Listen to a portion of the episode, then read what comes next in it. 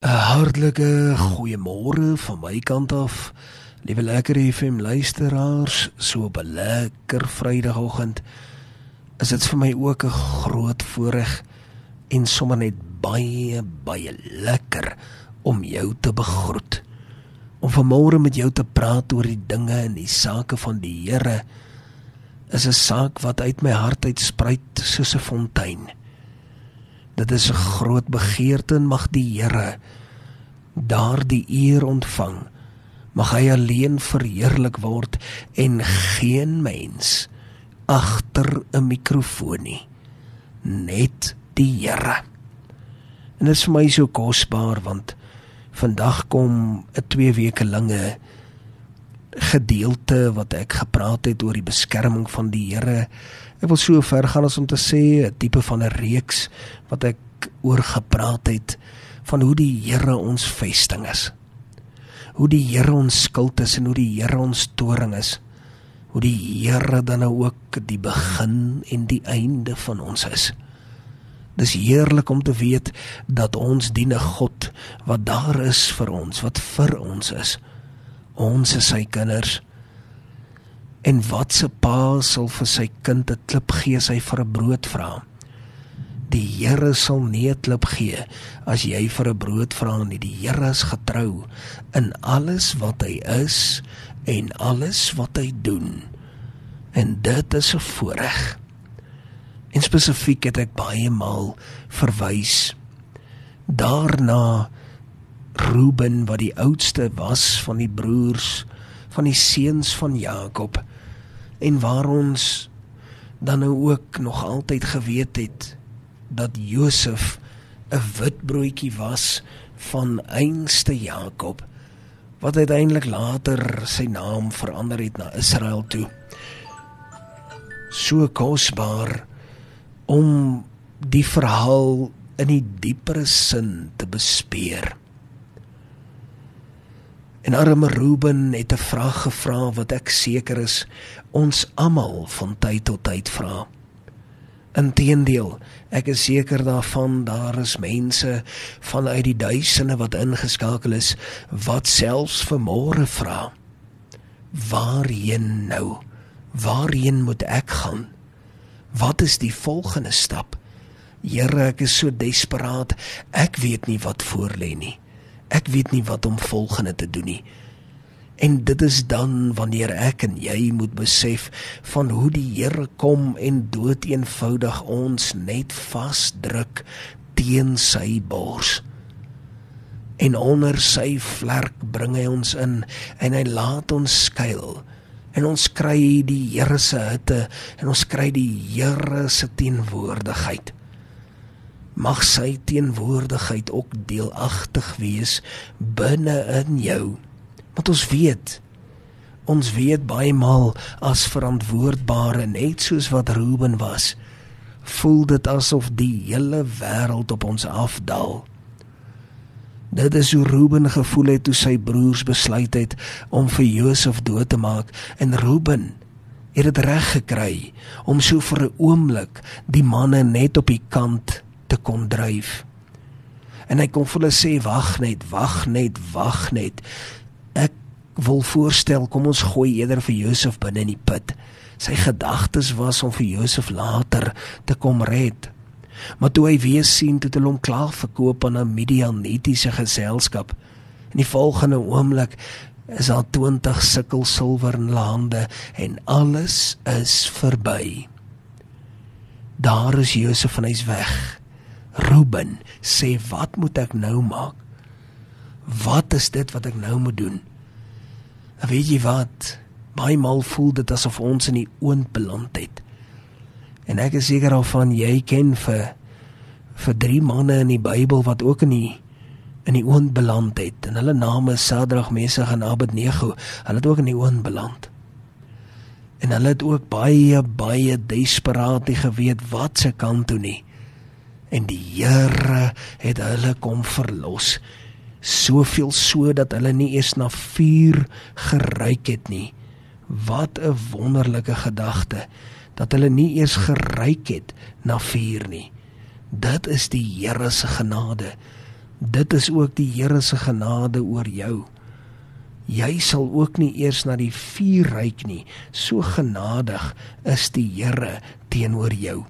Hoe wonderbaarlik nie.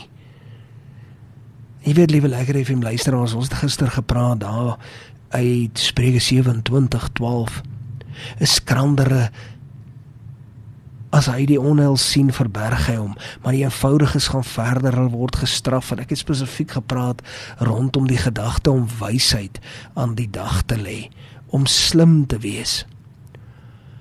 En vandag wil ek graag vir jou verder lees en ek wil vir jou vra om jou Bybel nader te bring. En ons gaan uit die Bybel uit lees. Ons gaan 'n spesifieke skrifgedeelte lees wat baie baie treffend is. Psalm 40 vers 12. En ek wil hê jy moet saam met my vanmôre lees. En ons gaan sy woord vertrou. En daarna gaan ons bid en die Here vra vir perspektief rondom hierdie gedagte. Hy gaan verder hier en hy sê: "U o Here, sal u barmhartighede van my nie terughou nie. Laat u goedertierenheid en u trou my altyd deur behoed en bewaar. Tot sover die woord van die Here. Kom ons sit net so. Dan sluit ons die oë, dan bid ons saam. Hemelse Vader, groot is U naam. Heilig is U. Dankie Here dat ons weet omdat ons weet dat U na ons omsien, dat U na ons kyk, dat U nog altyd die koning van alle konings is, maar ook my Papa Vader.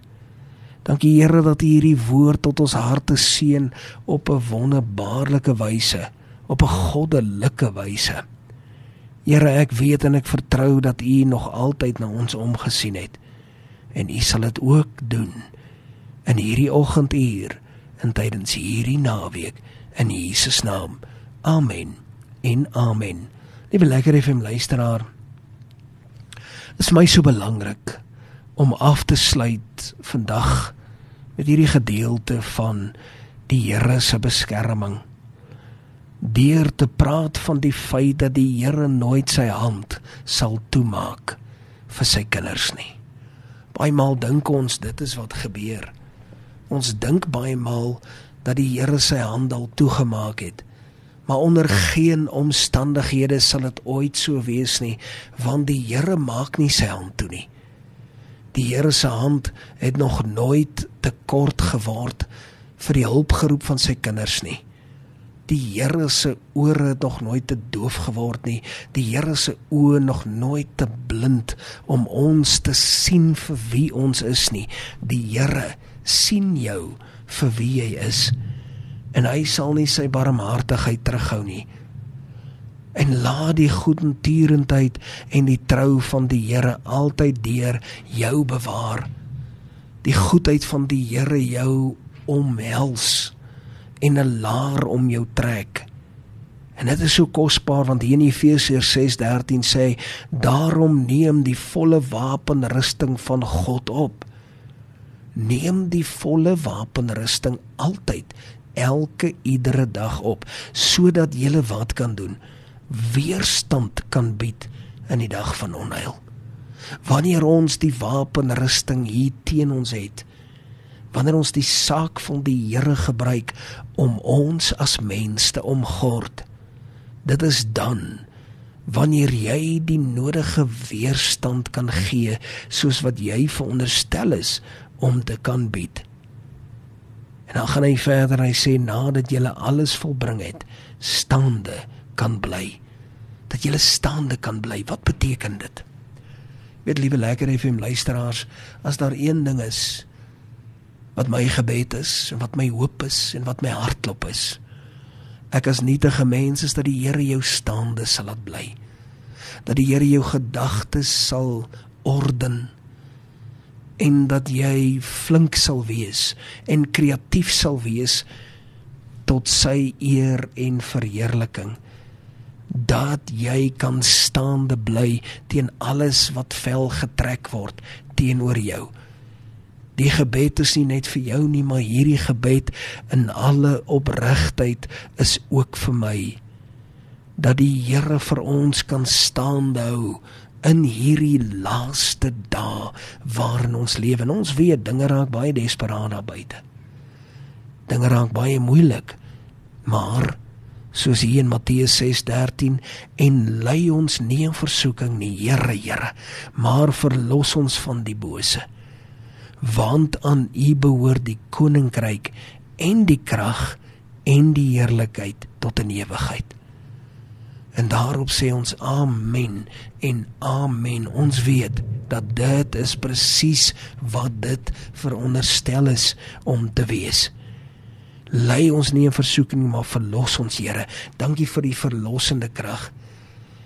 Dankie dat ons weet omdat ons weet U maak ons los van enige soort saak wat nie van U af is nie. En dit is wat Psalm 9 vers 10 sê. As jy dit saam met my mooi lees, dan sal jy hoor wat ek sê. So is die Here dan 'n rotsvesting vir wie vir hom wat verdruk voel. En miskien dalk net as jy in 'n posisie waar jy verdruk voel.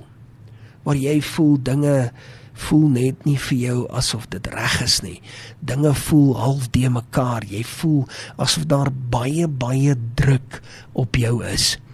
Die Here sê hy is die rotsvesting as jy so voel. Hy is die rotsvesting in die tye waar dit vir jou voel asof alles net te veel raak. Want ons weet dit mos nie 'n permanente gevoel nie. Net soos wat jy vanmôre daar sit, soos wat jy vanmôre daar staan of daar lê, waar jy ook al mag wees en luister na Lekker FM 98.3 weet ons mos daar is net sekere tye wanneer dinge baie baie moeilik raak. Maar om dan te weet die Here is ons rotsvesting. Dan raak ek opgewonde want Spreuke 2:7 sê en hy bewaar hulp vir sy opregtes. Hy maak seker daar is hulp en daar is hulp op pad. Maak nie saak wat die omstandighede is nie. Hy is 'n skild vir die wat regskape wandel. As jy 'n man en 'n vrou is wat vandag die besluit wil neem om vandag te sê Here, ek wil die sake reg doen. Ek wil nie verkeerd handel nie. Dan wil ek vandag vir jou sê jy is op die regte plek. Jy is op die plek waar die Here, Here jou saak sal verander. 1 Korintiërs 3:17 sê as iemand die tempel van God skend, sal God hom skend, want die tempel van God is heilig en dit is julle. Die tempel van God is heilig en dit is julle. As iemand die tempel van God skend, daarom weet ons die Here sal jou bewaar. Want jy is die tempel van die Here. En die Here beskerm sy tempel. En dit uiteindelik is al wat saak maak. Die Here beskerm en hy sal jou beskerm. Jy is en sal altyd en vandag en later vandag en oor die naweek binne in sy hand van beskerming jouself bevind ongeag die omstandighede ongeag die struikelblokke en maak nie saak hoeveel uitdagings daar mag wees nie. Jy bevind jouself in sy hande. Tot sover die woord van die Here. Kom ons sit net so, dan sluit ons die oë, dan bid ons saam. Hemelse Vader, Dankie Here, Here dat U op 'n goddelike, groot en alomteenwoordige wyse dan nou ook gekom het en vandag met ons kom praat het kom en kom seën u kudde. Dankie Here dat u ons vashou op 'n wyse waarop ons dit nie eers verwag het nie. Kom seën ons, seën ons mildelik Here, is my gebed. En Here ons bid hierdie dinge nie omdat ons dink ons verdien dit nie, glad nie, geheel en al nie, maar alleen vanuit u groote en heilige genade wat ons almal nodig het in Jesus naam. Amen. En amen.